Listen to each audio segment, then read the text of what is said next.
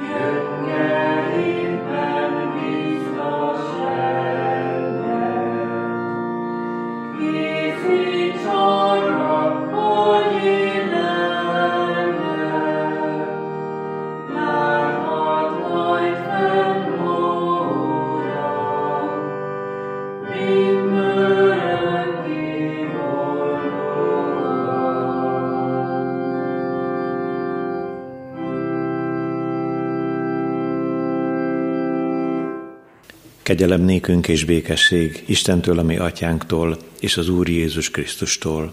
Amen. Hajtsuk meg a fejünket az Úr előtt, imádkozzunk. Dicsőítünk és magasztalunk téged, drága mennyei édesatyánk, azokért az elvett kincsekért, javakért, amelyeket a mögöttünk levő napokban, az elmúlt héten nekünk ajándékoztál. Köszönjük, hogy életünket megtartottad, hogy asztalunkat megterítetted, hogy a szívünkben békességre találtunk veled és az emberek közül is sokakkal. Köszönjük, hogy sas szárnyakon hordozod az életünket, és köszönjük neked, hogy napjainkhoz napokat toldasz. Magasztalunk azért is, hogy a te szabadító szereteteddel közelítesz hozzánk, hiszen a legdrágább szabadítót, egyetlen szent fiadat ajándékoztad nekünk. Köszönjük, hogy benne örök életet készítettél a benned hívőknek. Erősítsd meg a hitünket, bevalljuk előtted, és bűnbánattal tesszük ezt, hogy sokszor nem figyeltünk a te ígéidre, és elgyengült, megroppant a hitünk. Szeretnénk, hogyha te most megerősítenél bennünket abban, hogy utaidban járjunk, hogy jobban figyeljünk a te üzenetedre, az engedelmesség lelkével ajándékoz meg bennünket, és azt is elmondjuk te neked, hogy sokszor magunkra hallgattunk, vagy az emberekre, akik körülöttünk élnek, laknak, és ezért is távolodott el a mi szívünk te tőled. De vonj közel magadhoz, nyisd meg a mi lelki szemeinket, hogy értsük, halljuk, elfogadjuk a te drága hívó szavadat. És hadd mondjuk el a te színed előtt a mi kéréseinket is. Úgy szeretnénk, hogyha önmagaddal megajándékoznál Jézus Krisztus, hogy amikor előre tekintünk a te országod eljövetelére, megbátorodjon a mi szívünk vállalni a küzdelmeket, vállalni a keskeny úton való járást, hogy el ne tévejegyünk te tőled, hogy a te keresztről alá hulló véred megtisztítson bennünket minden bűntől. Légy most itt közöttünk, élő lelked által, hallgass meg, édesatyánk, Jézus Krisztus nevében. Amen. Hallgassuk, szeretett testvéreim, a mai napra kijelölt új szövetségi ige szakaszt a bibliolvasó kalauzból, János evangéliuma 14. részének 12., 13. és 14. verseit. Bizony, bizony, mondom nektek, aki hiszén bennem, azokat a cselekedeteket, amelyeket én teszek, szintén megteszi. Sőt, ezeknél nagyobbakat is tesz. Mert én az atyához megyek, és amit csak kértek majd az én nevemben, megteszem, hogy dicsőítessék az atya a fiúban, ha valamit kértek tőlem az én nevemben, megteszem. Szeretett testvéreim, ahogyan az év elején jeleztük, a 2021. év a hitnek az esztendeje. És most azt szeretnénk, hogyha a cím is igazolná ezt a mi tervünket, biztatás a hitre. Így fogalmaztam meg a mai üzenetnek az összefoglaló gondolatait, ez a mai igehirdetésnek a címe. Kezdjük csak azzal, hogy milyen is az Úr színe előtt az a valaki, aki hangsúlyozza, hirdeti magáról, hogy nem hisz Jézus Krisztusban, nem hisz az örökkévalóban, a mindenható Istenben. Úgy olvasjuk Isten igéjében, a zsidókhoz írt levélben, hogy hit nélkül lehetetlen Istennek tetszeni. Azt én tudom, hogy akik ezt önmagukról hirdetik, azaz, hogy ők ateisták, istentagadók, nem számolnak azzal, amivel minden embernek számolnia kell. Úgy van írva az ígében nekünk, minnyájunknak, azaz nem csak a hívőknek, a keresztjéneknek, hanem minden teremtett embernek.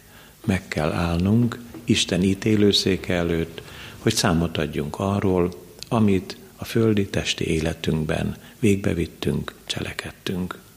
Ezért az Isten gyermekei, akármennyire is nehéz feladat ez, vállalnunk kell, hogy azok között, akik hitben vannak, és azok között, akik az Úr Jézus ellenségei, egyformán predikáljuk a Jézus Krisztust, mint megfeszítettet.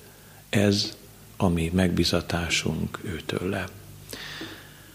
És most nézzük csak, hogy milyen módon érthetnénk meg, kell-e biztatni a hitre, általában az embert, az embereket, de vajon kell-e biztatni a hitre a hívőket?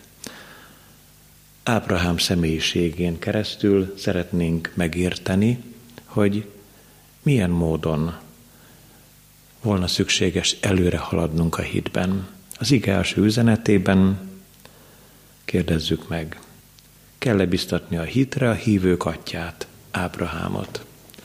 A második gondolatban az igéhez, az új szövetségi gondolathoz kapcsolódva megint csak egy kérdés lesz előttünk, tényleg tud-e nagyobb dolgot tenni a hívő, mint maga az Úr Jézus Krisztus. És végül a harmadik gondolatban szintén kérdezünk, mire bátorít a hit? Az igás üzenetében Ábrahám személyisége jelenik meg előttünk. Kell-e biztatni őt a hitre? A zsidókhoz írt levélben is megtaláljuk a 11. részben, hogy ő a hívők atya.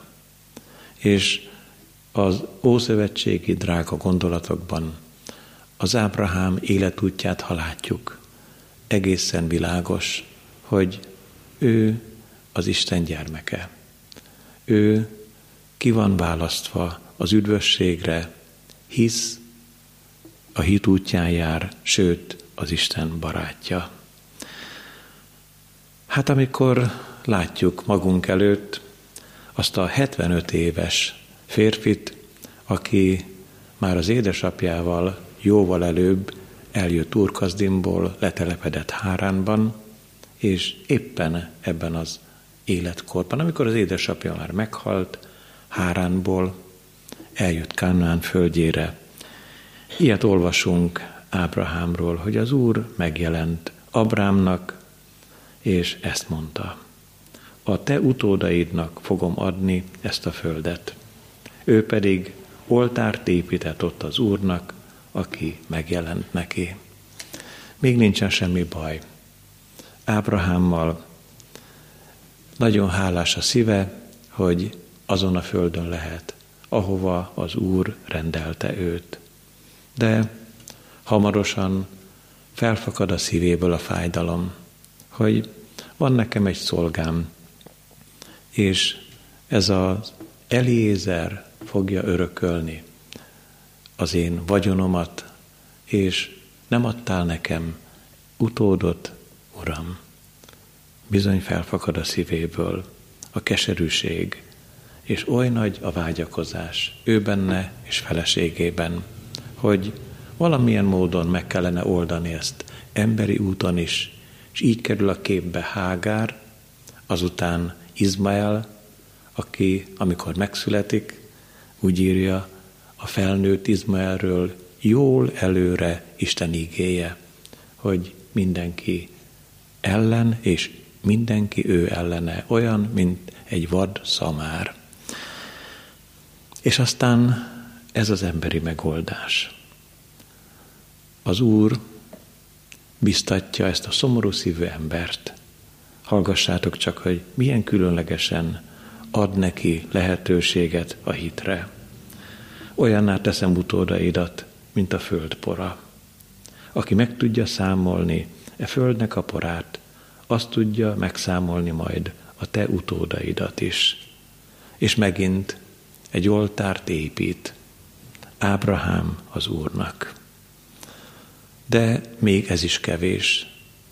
Arra is szükség van, hogy kivezesse az éjszaka sötétjébe ezt az embert, az örökkévaló, és feltekinthet az égre. Mit olvasunk az 1 Mózes 15, 5.-6. versében. Majd kivezette az Úr, és ezt mondta, tekints föl az égre, és számold meg a csillagokat. Ha meg tudod számolni, ennyi utódod lesz, mondta. Abrám hitt az Úrnak, és ő ezt számította be neki igazságul. Még mindig az Abrám nevet halljuk, a régi nevet, és aztán elérkezik a 99. esztendejéhez. Istennek ez a kedves szolgája. Már volt egy szövetségkötés, amikor a nagyobb állatokat ketté kellett vágni, és a madarakat egészben lehetett hagyni, és egy hatalmas nagy tűzvésszel haladt át az Úr a kettévágott állatokon, de Abrám, Abrám maradt. És amikor már majdnem a századik évéhez ért, akkor, akkor egy új szövetséget kötött vele az Úr. Azt mondja, hogy nem jó az, hogy Abrámnak neveznek. Ábrahám legyen a te neved. Sok népeknek az atyává teszlek téged. És akkor adta a körülmetélkedés szövetségét. Mindezekből azt látjuk, hogy a hívők atya nagyon is rászorul arra, hogy az örökkévaló bátorítsa, biztassa őt a hitre. A hívők atya az Isten barátja. Olyan gyönge az ő hitében, mint te, szeretett testvérem, mint én vagyok, aki hirdetem, s te, aki hallgatod az ígét. Bizony fel van jegyezve Ábrahámról. Sokszor összekeverjük Sárával, de Ábrahám is, amikor az Úr szólította őt, lehajolt és nevetett. Vajon öregembernek születhet gyermeke? Ugyanezt megtette Sára is, amikor ott voltak az Isten angyalai, akik készülődtek Sodomába, és hallgatózott a sátor mögött, és aztán letagadta, az angyalok pedig mondták, de bizony, Sára, te nevettél. Ezért vegyük figyelembe, és valljuk bőszintén az Úrnak, hogy gyönge a mi hitünk, hogy szükség van a bátorításra, a biztatásra, az erősítésre. A második gondolatban, mintha ez az egész teljesen megfordulna.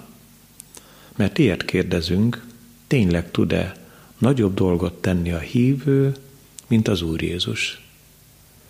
Ebben a különleges, csodálatos igében, amikor a másik pártfogót, a Szentlélek ajándékát hirdeti az Úr Jézus az övéi között, hogy eljön ő, aki elvezet bennünket minden igazságra, akkor mondja el a tanítványai körében, hogy aki hisz én bennem, ugyanazokat a dolgokat meg fogja tenni, amit én. És annyira megrázó, érthetetlen, nincs is nekünk igazán magyarázatunk erre, ahogy folytatja az Úr, még nagyobb dolgokat is megtesz nálamnál. Ezért akkor mégiscsak érdemes hinni. Maradjunk Ábrahám személyisége mellett, mert a szabad nekünk tudnunk, hogy az Úr mondja, mielőtt Ábrahám lett, én vagyok. És tudunk arról, hogy amikor példázatot mond az Úr a gazdag emberről és Lázárról, ott megjelenik Ábrahám, és Lázár pedig ott van az ő kebelén, és van földön túli élet, és valamilyen módon ez már annak az Ábrahámnak az életében is megjelenik, aki még nagyon is a földön jár.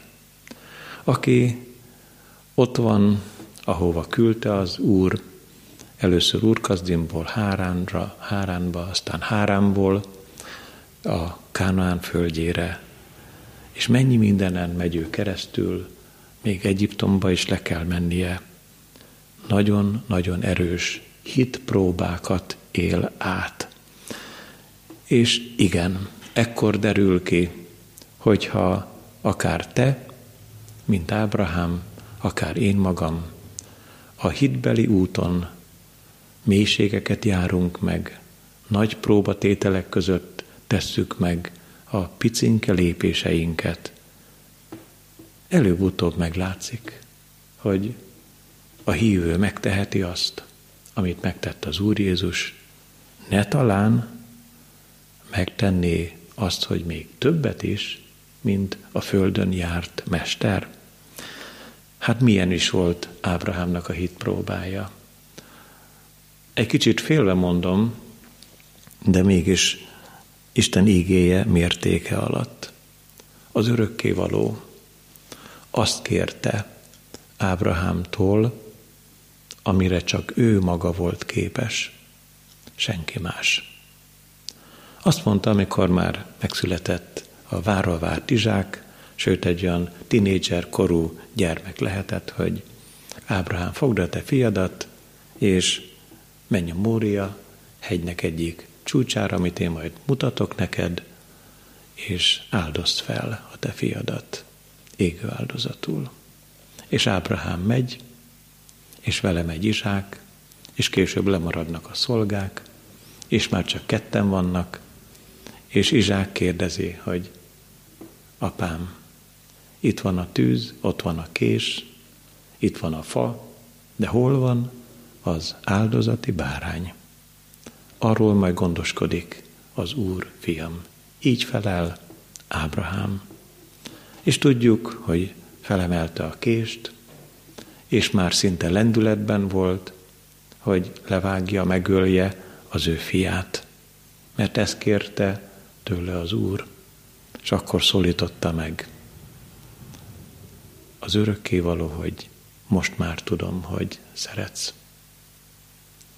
Hogy jobban szeretsz, mint a te fiadat. Ne bántsd a te fiadat. És már is ott van, szarvánál fogva, fennakadva a bozótban a bárány. És tényleg gondoskodott az Úr a bárányról. És megtörtént az áldozat bemutatás, és Izsák életben maradt. De hogy gondolta végig magában ezt Ábrahám? A zsidó levélben olvasunk erről, a 11. rész 19. versében.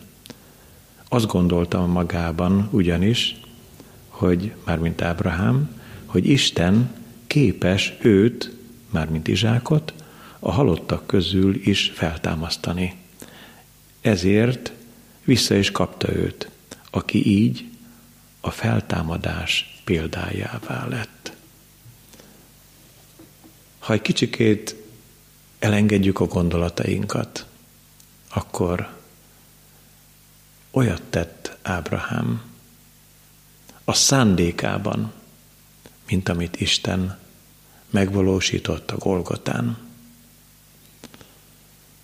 Ábrahám megállhatott ezen a félelmetes, küzdelmes úton, hogy ne kelljen meghalni a fiának. Nem ő állt meg magától, ő kész volt arra, hogy feláldozza az egyetlenjét. Az Úr állította meg. De az örökkévaló nem állította meg magát, hanem értünk adta, nekünk ajándékozta, keresztre engedte egyetlen drága fiát, az Úr Jézus Krisztust. És vajon Ábrahámnak mi volt a kapaszkodója? Vajon miben bízott? Már az előbb választottunk erre, de adjunk egy másik feleletet is. Az Úr ígérete volt a kapaszkodója. Amit Isten ígér, azt meg is tudja tenni. Róma 4.21. És ez ma is áll. Isten megígérte, hogy aki csak hisz Jézus Krisztusban, annak üdvössége, mennyei élete van. Ez rád is vonatkozik, szeretett testvérem. És aztán kérdezzük még, van-e valamilyen feltétele a hit mellett, hogy mi nagy dolgokat tegyünk, olyat, mint az Úr Jézus Krisztus, vagy nagyobbat annál. És az ígében találunk erre is választ. A feltétel nélküli szeretetre van szükség. Milyen nehéz is ez. Ábrahám ezt megélte, átélte, jobban szerette az örökkévalót, mint a saját fiát. Mit is mond az Úr Jézus a Máté 10-ben? Aki jobban szereti apját vagy anyját, mint engem, az nem méltó hozzám. És ott a Máté 10 37. versétől tovább, a 39-ig arról is olvasunk, hogy aki jobban szereti fiát vagy leányát, mint engem, az nem méltó hozzám. Sőt, más helyütt azt olvassuk Isten igéjében, aki meg nem gyűlöli a saját lelkét, az nem méltó én hozzám. Ezt mondja az Úr. Tehát, ha meg szeretnénk érteni a mai ége szakaszt, ki az, aki olyan dolgokat tud megtenni, mint Jézus Krisztus, vagy nagyobbakat is ő nála. Ott a feltétel az, hogy szeresd, szeresd az Urat. Szeresd teljes szívedből, teljes lelkedből, teljes erődből és teljes elmédből. Szeressed őt mindenek felett, és mindenki felett. És akkor különleges csodák történhetnek. Ez nem azért van leírva Isten igéjében, hogy bárki a hívők közül büszkélkedhetne, hivalkodhatna olyan dolgokkal, hogy ő képes arra, amiket tett az Úr földön járta idejében. Nem. Hanem ez azért van írva, hogy legyen biztatás a nehéz időkben, kitartani a hitben. Milyen nehéz lehetett Ábrahámnak az útja a Mória hegyéig. És azután kérdezzük meg a harmadik gondolatban, hogy mire is bátorít a hit. Ez a hit, amiről eddig beszéltünk, Ábrahámnak a hite, bátorít az imádságra. És nézzünk csak szembe magunkkal. Ha elgyengül az ima életünk, akkor sokszor bizony mi már kérni sem tudunk az Úrtól. Nem, hogy dicsőítenénk őt, nem, hogy tele lenne a szívünk hálaadással, hogy az imáinkban ott lenne az őszintés igazi bűnvallás. Még a kérések is egyre jobban kezdenek hiányozni. Pedig megadja erre a lehetőséget nekünk az Úr.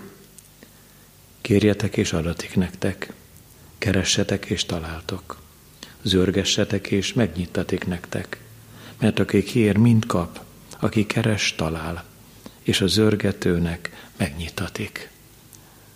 Mennyire nagyon fontos lenne megerősíteni magunkat az ima életünkben. És amikor olvassuk ezt a drága igét a János evangéliumában, úgy megrendül a szívünk. Mi mennyire szakadozottságban élünk egymás mellett. Családon belül is, házastársak, gyermekek és szülők, távolabbi rokonok, gyülekezetekben is vannak szakadások. De az Úr hogy csodálatosan egy az atyával, hogy ő így szól. Ha valamit kértek tőlem az én nevemben, megteszem. Milyen furcsa mondat szerkezet ez. Valamit kértek tőlem az én nevemben, megteszem. És bizony, hogy beszél Isten igéje arról, hogy itt az Atya dicsőítetik meg, mert én az Atyához megyek. Annyira egy, hogy nem lehet semmilyen módon elválasztani, ketté szakítani. Egy az atyával, és egy a Szent Lélekkel. Ő ígéri, hogy a vigasztalót, a pártfogót elküldi. Nézzük csak akkor a legvégén, hogy vajon milyen módon szabadít meg bennünket, aki ennyire egy az atyával. Elhoztam egy kis könyvet, ez a címe Rólad van szó. És tudjuk azt, hogy a bűn az olyan, mint az adósság. És bűn, bűnnel terhelt ember a mennyei életbe nem léphet be. Csak aki letette a bűneit, csak az léphet be a mennyvilágába, aki Jézus Krisztussal úgy találkozott, hogy átadta neki a bűneit, és az Úr ezt a terhet, ezt az adósságot levette, átvette őtől le. Hallgassunk meg egy rövid kis történetet, nem elolvasom, hanem csak összefoglalom, hogy milyen módon kellene nekünk készülődnünk a mennyei világra. Sok ö, rövid kis három-négy oldalas ö, történetek vannak leírva ebben a könyvben. Az egyiknek ez a címe, kifizethetett, kifizetetlen számlák. Ez a történet arról beszél, hogy Írországban élt egy nagyon gazdag ember. Sokféle beosztottja volt, régi időknek az eseményeit tárgyalja ez a fejezete a könyvnek, és ez a gazdag ember a alatvalói körében mindenhol kiplakátolta a forgalmas helyeken, hogy hétfői napon mindenki eljöhet hozzám 10 órától 12 óráig. Ott leszek az irodámban, és hozzátok el a kifizetetlen számláitokat, mindenkinek ki fogom fizetni. Hát meglepődtek az alatvalók, de azért azon a hétfői napon tíz órára igen-igen sokan összegyülekeztek ennek a gazdag embernek az irodája előtt.